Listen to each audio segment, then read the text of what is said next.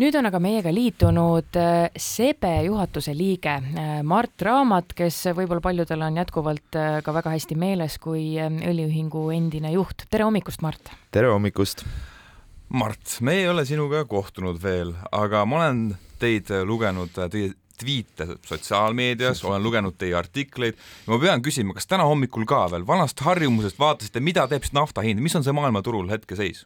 Ja vaatasin küll. No, ma teadsin, et ma siia tulen ja te küsite seda poolt, siis ma vaatasin, et äh, nafta hind on väga stabiilne olnud, üllatavalt stabiilne on, on olnud, olnud sellised viimased neli kuud novembrist alates on sellise kümneprotsendilise äh, koridori sees äh, liikunud üles-alla, et selline kaheksakümmend üks dollarit barreli eest, mida, mida Saudi Araabia ka väga soovib, nii et nad on, Saudi Araabia peaks väga õnnelik olema selle üle, mis nafta hinnaga toimub aga mis edasi saab, kas äh, aasta vaates kahe, näiteks kahe järgmise aasta lõikes äh, oleks praegu mõistlik äh, koju kanistritesse bensiini ette osta või mitte?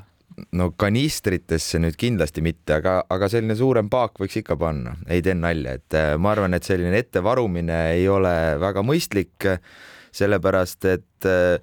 noh, ütleme, et äh, imelikul kombel on kütuse hind selline asi, mis inimest äh,, kui, kui ta kaks senti siinpool või sealpool on, siis see on jube suur probleem, aga samal ajal, kui, kui samas tanklas kohvi tõuseb kakskümmend senti, siis see makstakse sellise ilma igasuguse küsimata kinni, nii et, äh, et inimene on üks imelik loom, aga, aga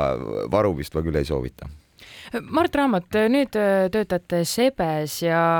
ja ikkagi me ju räägime siin uuel aastal mitmesugustest aktsiisitõusudest, me räägime üleüldiselt, et elu hakkab jube kalliks minema. ma küsin sedapidi, et millal me hakkame bussipiletites seda kõike ka kinni maksma? juba hakkame ju selles suhtes, et äh, üle pika aja valitsus siis otsustas tõesti ju maakondlikel liinidel bussipileti hinda tõsta, mis noh, on tegelikult selles mõttes mõistlik, et me bussifirmadena oleme ammu vaadanud, et selline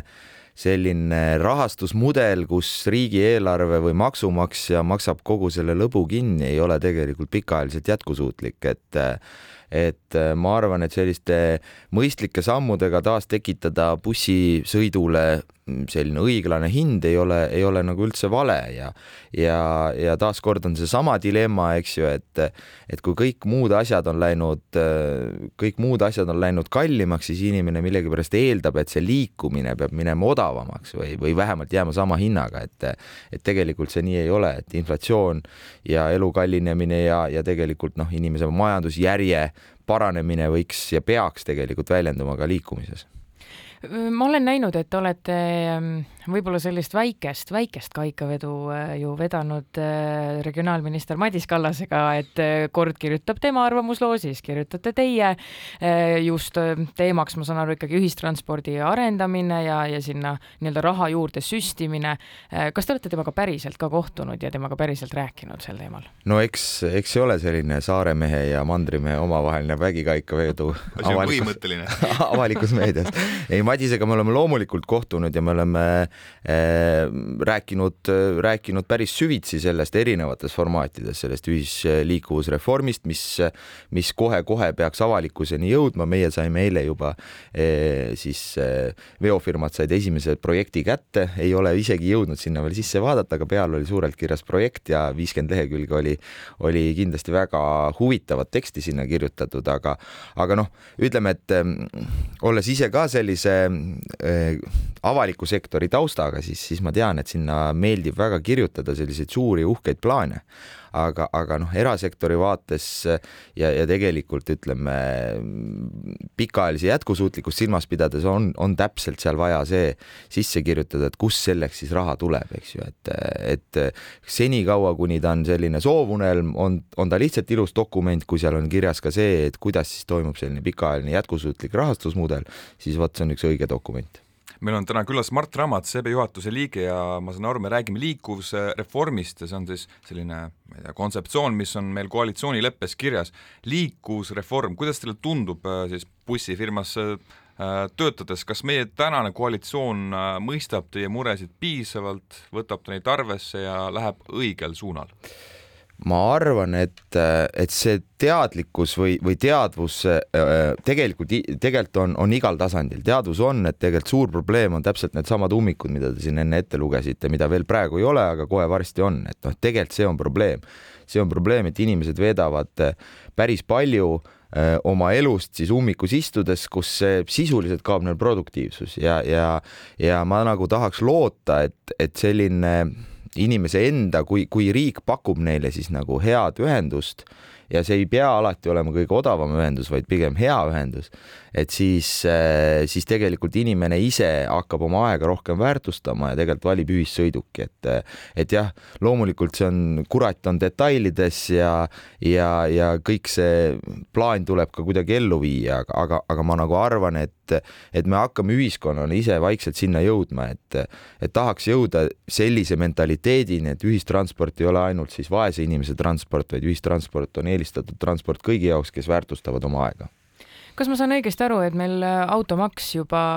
on ju arutelus, aruteluks päris pikaks, äh, pikal ajal olnud, aga liikuvusreformi kui sellise, vabandust, ega ma täpselt ei saa aru, mis asi seegi on, aga laias laastus ma saan aru, et nüüd valitsus hakkab alles mõtlema, kuidas täpsemalt meie ühistransporti siis sünkroniseerida, samal ajal kui automaksu on juba meile nii-öelda söögi ette, söögi peale siin serveeritud, et et tegelikult ühistranspordiga on ikkagi pahad lood, saan ma niimoodi aru? ühistranspordiga on pahad lood sellepärast, et raha ei ole ühistranspordiks. aga automaks? Aga mille jaoks see on? automaks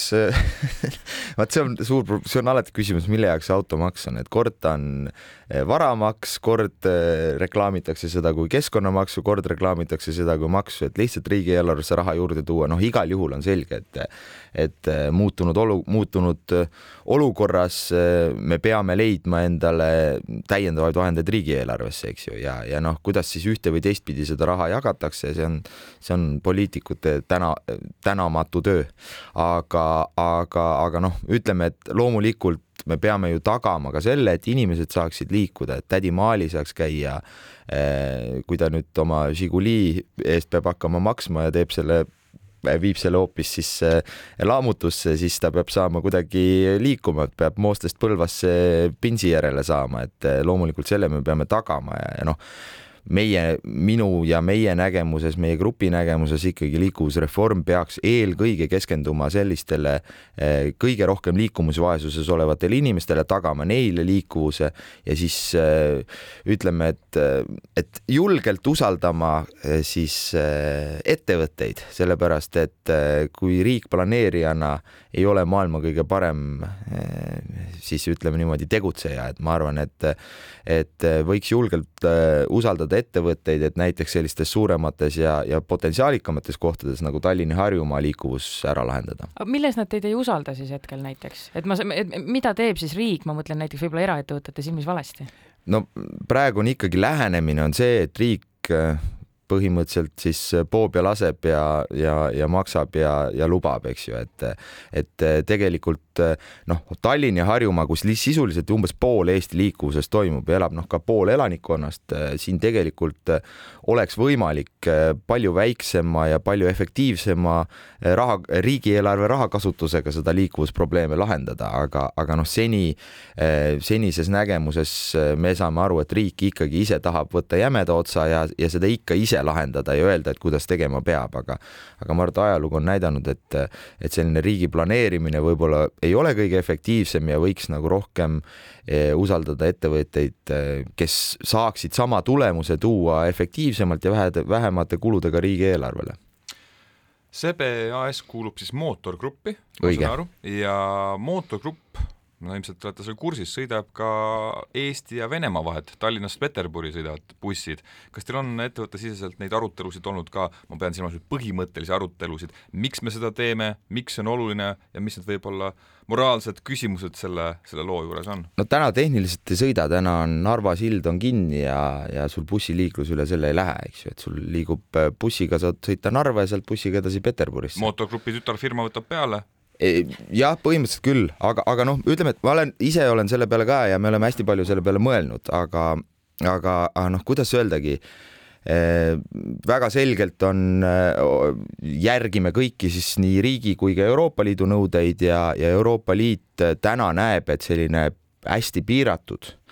siis inimeste ühendamine üle piiri Eesti ja Venemaa vahet või Euroopa Liidu ja Venemaa vahelt, vahelt on lubatud. Ja, ja noh, kas see on ka, kas selle keelamine oleks ka mõistlik, eks ju, et kas me tahame teha Venemaast siis sellist äh, täielikku Põhja-Koread, kus sul ei ole võimalik äh, üldse siis noh,